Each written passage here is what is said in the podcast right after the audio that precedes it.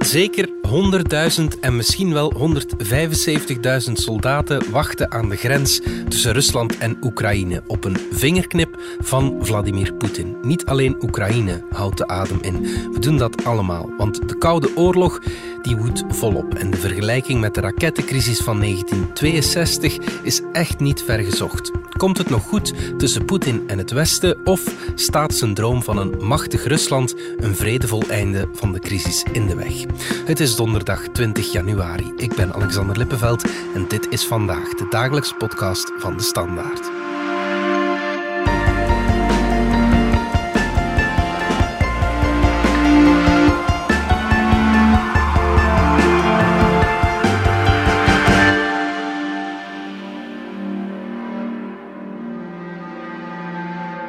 Koen Vidal, chef van onze buitenlandredactie. De kansen op een uh, militair conflict in Oekraïne zijn de voorbije dagen alleen maar toegenomen. Hè? Dat klopt. Ze zijn toegenomen omdat onderhandelingen voorlopig hebben gefaald. Mm -hmm. Dus de gesprekken tussen Rusland, de Verenigde Staten, met daarbij de Europese Unie toch uh, een beetje aan de zijlijn, mm -hmm. die zijn niet uh, gelukt. Poetin had natuurlijk nog een heleboel harde eisen, maar in ieder geval de toestand is geblokkeerd, ja. waardoor de kans op een, uh, een militaire optie natuurlijk toeneemt. Ja, laten we even kijken naar hoe deze crisis ja, tot stand gekomen is. Misschien wel. Het gaat eigenlijk terug tot een top in 2008 in Boekarest, de Roemeense ja. hoofdstad is dat. Mm -hmm. Wat is er daar uh, gebeurd? Wel, dat was een, uh, een NAVO-top waar eigenlijk het uh, mogelijke lidmaatschap van Oekraïne -hmm. en ook wel Georgië aan de orde was. -hmm. Onder zwaar Amerikaanse druk van de toenmalige president Bush is dat inderdaad aanvaard. Oekraïne, Georgië mogen lid worden van de NAVO. Mm -hmm. Daar is heel veel tegenstand uh, geweest van Europa. Met name Angela Merkel wou zich daarvoor gooien, maar uiteindelijk is het een compromis geworden. Mm -hmm. En het compromis behelste dat er geen datum werd geplakt op die toetreding. Mm -hmm. Maar sowieso was dat voor Poetin een rode lijn. Dus ja. de toetreding van uh, dus onder andere Oekraïne tot de NAVO is voor hem no-go. En dat speelt nu nog mee. Ja, en waarom? Waarom is dat zo gevoelig? Hij is vooral bevreesd dat Oekraïne deel gaat uitmaken van de westerse invloedssfeer, mm -hmm. zowel op politiek vlak, op economisch vlak en zeker ook op militair vlak. Mm -hmm.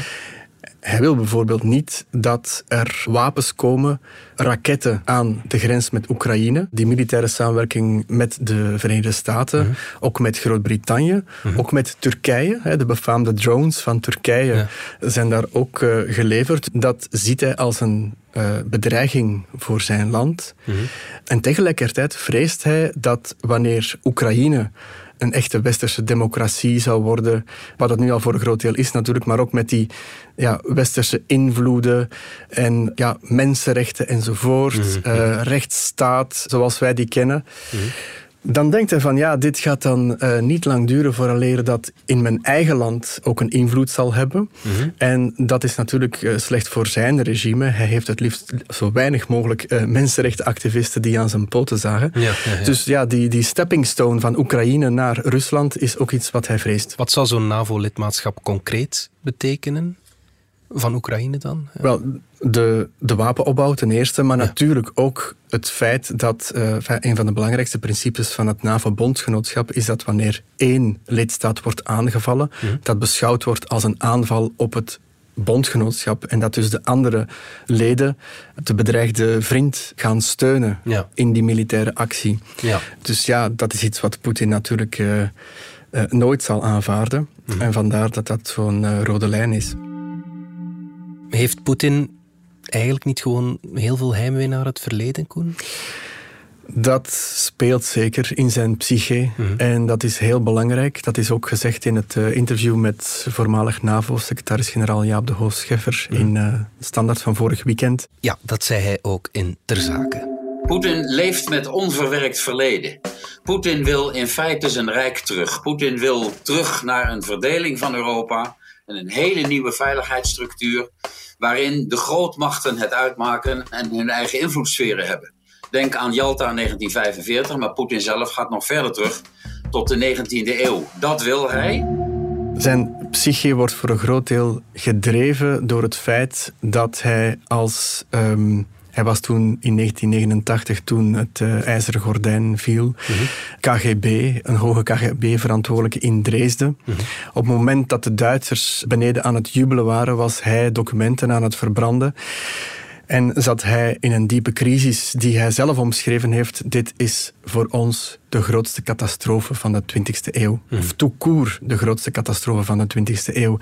Dat tekent die man dat hij heeft afscheid moeten nemen met vele anderen van het, het grote Sovjetrijk. Mm. En hij wil dat niet meer verder drijven. Hij, hij, heeft al veel moeten afgeven, de Baltische Staten om te beginnen. En nu nog Oekraïne, dat, dat, dat gaat voor hem niet meer. Goed, de basis van het conflict ligt dus in 2008. Dat is al een tijdje geleden. Waarom is er nu dan die troepenbeweging van Poetin? Wel, ten eerste is het heel moeilijk om in het hoofd van Poetin te kijken, maar we gaan toch proberen. Eigenlijk zijn alle factoren gunstig voor hem om uh, zoiets te proberen. Mhm.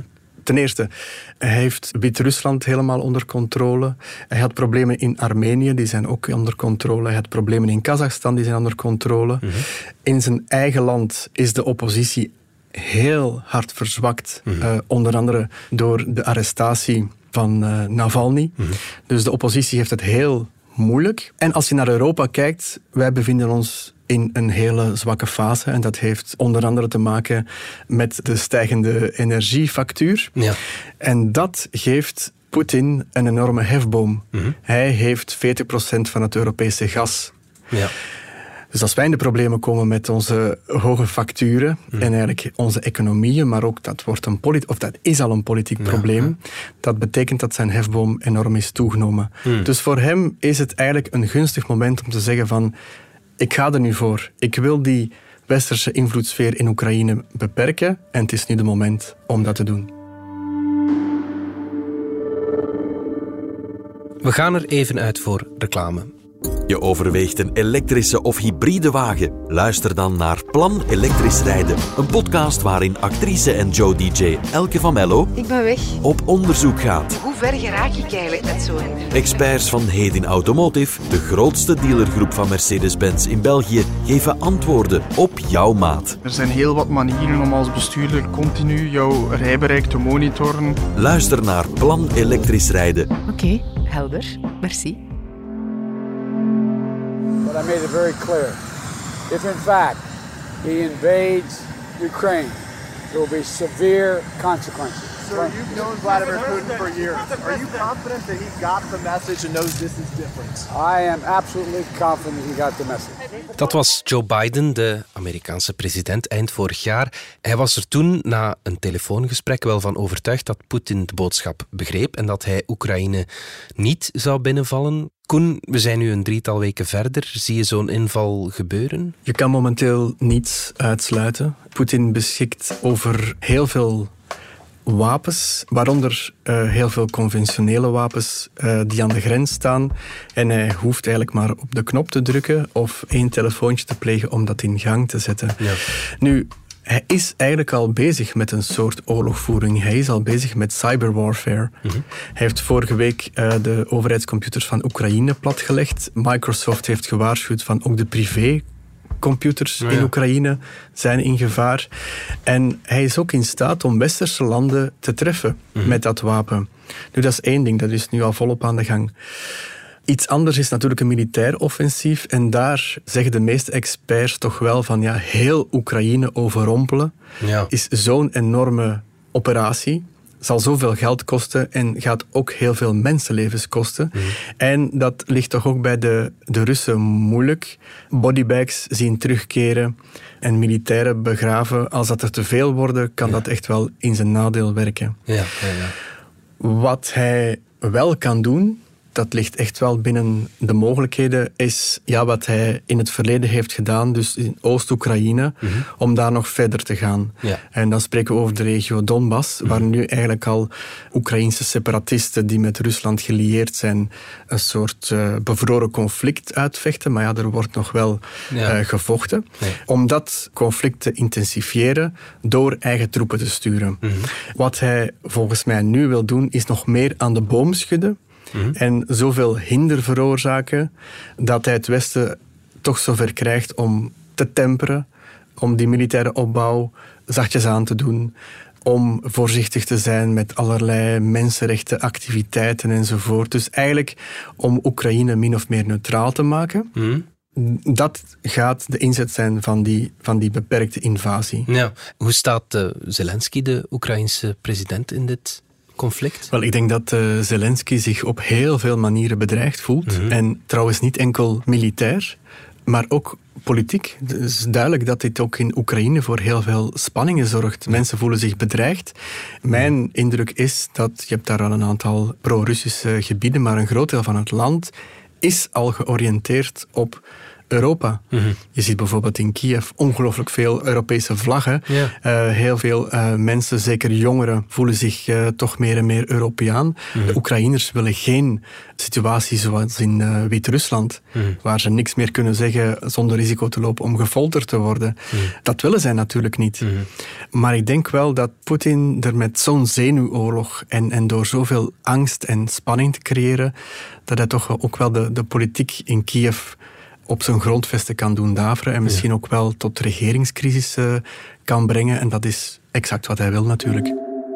We understand that uh, Washington is, uh, is a great fan of introducing sanctions against different countries. Potentially, uh, this kind of sanctions can lead to discontinuation of any relationship between our two countries, which will not be in the interests of nor Moscow, neither Washington. It will be a great mistake. Dat was Dmitri Peskov, de woordvoerder van Poetin. Echt fan van die sancties is hij natuurlijk niet. Koen, welke sancties liggen er klaar vanuit het Westen? Wel, binnen Europa wordt gezegd van wel. Mm -hmm. uh, we zijn bijna klaar met ons huiswerk om zeer harde sancties te treffen. Mm -hmm. Nu, ik uh, denk dat dat toch voor een stuk uh, harde retoriek is. Mm -hmm. Want als je dan de vraag stelt, wat moet het dan concreet zijn? Dan staan we eigenlijk wel zwak. Namelijk, wij willen dat Russisch gas, dat gaan we niet als inzet willen nemen van het conflict. Hmm. Waar veel mensen nu mee bezig zijn, waarmee ook wij bezig zijn, is, is onze energiefactuur. Ja. Dus ja, daarvan liggen wij wakker. Hmm. Ook onze politici moeten daar een antwoord op bieden. Als je daar nog eens een conflict bij krijgt waar 40% van de Europese gasbevoorrading door in gevaar komt, Hmm. dat willen we niet. Wat zijn de andere opties? Wel, vanuit de Europese Unie hoor je wel eens, we gaan het SWIFT-betalingssysteem, waardoor allerlei internationale betalingen vlot kunnen verlopen enzovoort. We gaan Rusland daarvan uitsluiten. Nu, dat is ook een enorm risico, want dat betekent dat eigenlijk heel de energiemarkt zijn betalingssysteem uit evenwicht wordt gebracht. En daarvan gaan wij minstens evenveel hinder ondervinden dan als, als Poetin. Dus eigenlijk is dat ook geen, geen wapen. Eigenlijk hebben we niet zoveel om Rusland extra te bedreigen. Ja. Um, hoe je het ook draait of keert, Poetin is wel ja, een meester in het gebruiken van zijn wapens, hoe beperkt die ook zijn. Hè? Ja, wat hij volgens mij heel goed kan, is het, het opzoeken van de Achilleshiel van zijn tegenstrever en daar dan keihard met een, met een speld insteken. En ik gebruik het woord speld omdat hij vaak gebruik maakt van technieken en van wapens die niet eens zo duur zijn. Heel die vluchtelingencrisis die hij via Wit-Rusland aan de Poolse grens heeft gecreëerd, heeft hem eigenlijk niet zoveel gekost. Het destabiliseren van Syrië, hij, hij, moet daar wel wapens in zetten enzovoort, maar als je kijkt naar wat voor schade en politieke spanning dat in Europa heeft opgeleverd door de vluchtelingencrisis, Ja. dan is vanuit zijn oogpunt het rendement uh, zit dat wel heel goed. Ja. Eigenlijk minder bekend, maar, maar in een aantal Afrikaanse conflictgebieden, daar stuurt hij huurlingen naartoe. En dat zijn kleine groepjes vechtersbazen, ook weer helemaal niet duur, maar die richten daar enorm veel schade aan. Vaak in gebieden zoals West-Afrika, waar Europa dan wel behoorlijk wat geld investeert om ze te stabiliseren, vredestroepen enzovoort. Ja. Dus daar is hij echt een meester in. En wat hij ook heel goed weet, is dat Europa gaat geen oorlog voeren, gaat geen militairen sturen naar Oekraïne. En ik denk als de Europese politici echt eerlijk zijn, dat ze dat ook wel zouden toegeven. Mhm. Jens Stoltenberg, de secretaris-generaal van de NAVO, en Josep Borrell, de hoge vertegenwoordiger van het buitenlands beleid van de EU, hopen vooral op dialoog met Rusland. We listened to the Russian concern. We presented our positions. Uh, we are ready to engage in dialogue with Russia, but we'll never compromise on core principles for European security. In general, we remain open to dialogue with Russia, but never, never at the expense of our freedom, sovereignty, and independency, and the respect of fundamental values.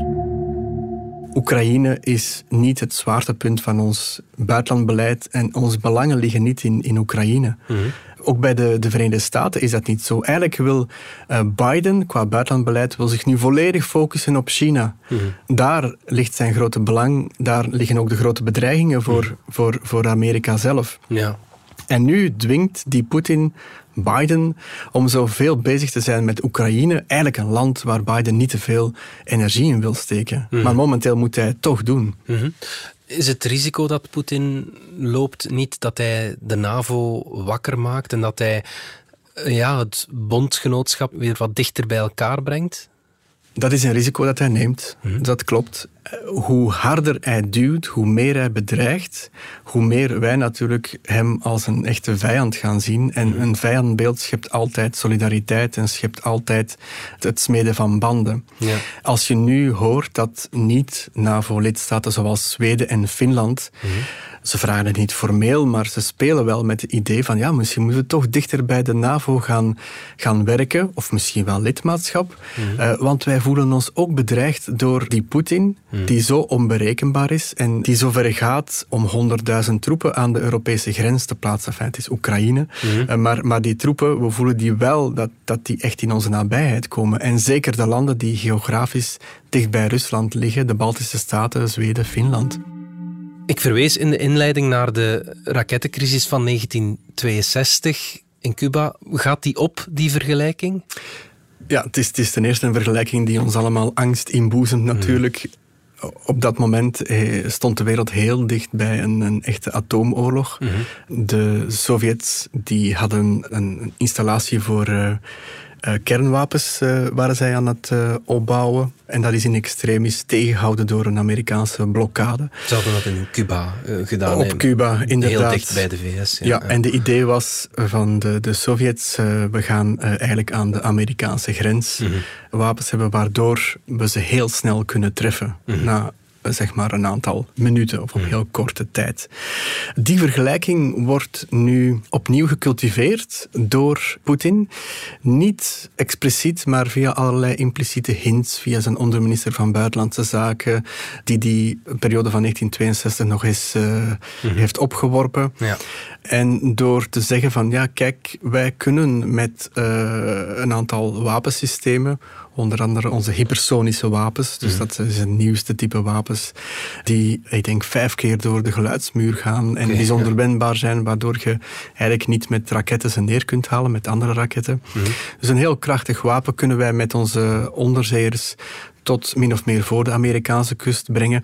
Dus daarmee wordt gedreigd. Dat is natuurlijk ook om die zenuwoorlog aan te wakkeren. Maar wat Poetin op die manier ook wil zeggen is van kijk, als jullie raketten in Oekraïne plaatsen, Mhm. waarom zou ik dan geen raketten in de buurt van jullie grondgebied kunnen plaatsen? Dus het is vooral naar de Amerikanen gericht. Uh, behoort vooral tot de zenuwoorlog. Het, het, lijkt me heel, heel onwaarschijnlijk dat het ooit zover zal komen, omdat we dan toch qua spanningen tot een, uh, niet tot de next level, maar tien levels hoger komen. Dus het zit in die, die zenuwoorlog, maar het zijn vergelijkingen die natuurlijk wel veel angst oproepen. Koen, we noemden dit al een nieuwe koude oorlog. Dat was een periode van hele tijd verhitting en afkoeling. Hoe gaan we nu terug naar een afkoeling? Dat is de grote vraag natuurlijk. Mhm. En ik denk dat we weer even naar Poetin moeten kijken en dan de vraag stellen: wat heeft hij momenteel te winnen bij afkoeling? Mhm. Ik denk dat hij toch bepaalde garanties moet hebben dat het Westen het rustig aan gaat doen in Oekraïne. Mhm. En daarvoor hoeft het Westen niet noodzakelijk te zeggen: oké, dan geen lidmaatschap voor Oekraïne. Maar hij wil wel ergens garanties. En dat is ook wel iets dat, waar wij rekening moeten houden. Voor oud-secretaris-generaal van de NAVO, Jaap de Hoop Scheffer, zijn er twee realiteiten die botsen. Dat zei hij in Ter Zake. Er is, ik herhaal, sprake van een botsing van twee harde realiteiten. Eén, Oekraïne moet zijn eigen keuze kunnen maken en Georgië. Maar twee, de rode lijn van Poetin, wat ook een realiteit is. Want ik twijfel er niet aan dat NAVO-lidmaatschap van Oekraïne voor Poetin casus belli zou zijn, een reden voor oorlog. En daar zit niemand op te wachten. Het pistool staat tegen de slaap van, van Oekraïne. Uh, en hoe dit afloopt, durf ik niet te voorspellen. Maar het is wel een situatie die je als zeer ernstig moet kwalificeren. En dat doe ik niet snel. Wij zien de bühne natuurlijk, het toneel van dit machtsspel. Mm -hmm. Maar daaronder is natuurlijk ook nog van alles aan de gang. Mm -hmm. En daar hebben we minder zicht op. Dus de garanties die het, het Westen uiteindelijk kan geven aan Poetin, dat gaan we misschien nooit weten. Mm. Maar in ieder geval, hij hoeft momenteel niet terug te krabbelen. De zaak is voor hem goed verhit. In Europa komen er stemmen op van ja, moeten we nu wel zoveel moeite doen voor Oekraïne? Dat komt hem allemaal goed uit. Mm. Het enige ding waarmee wij misschien wel rekening mee moeten houden, is dat natuurlijk 100.000 troepen in opperste staat van paraatheid houden, dat kost wel geld. Mm -hmm. Maar dan spreken we niet over een, een kwestie van dagen of, of, of, weken dat hij met dat uh, dilemma geconfronteerd zal worden. Hij kan dit nog wel een tijdje aanhouden. Mm -hmm. Oké, okay, goed. Koen Vidal, dankjewel. Graag gedaan. Dit was vandaag de dagelijkse podcast van De Standaard. Bedankt voor het luisteren. Ken je trouwens DS Podcast al, de podcast-app van De Standaard? Daar luister je niet alleen naar onze journalistieke reeksen, je krijgt ook elke week een eigenhandige selectie van de beste nieuwe podcasts op de markt. Alle credits van de podcast die je net hoorde vind je op standaard.be-podcast. Reageren kan via podcast.standaard.be. Morgen zijn we er opnieuw.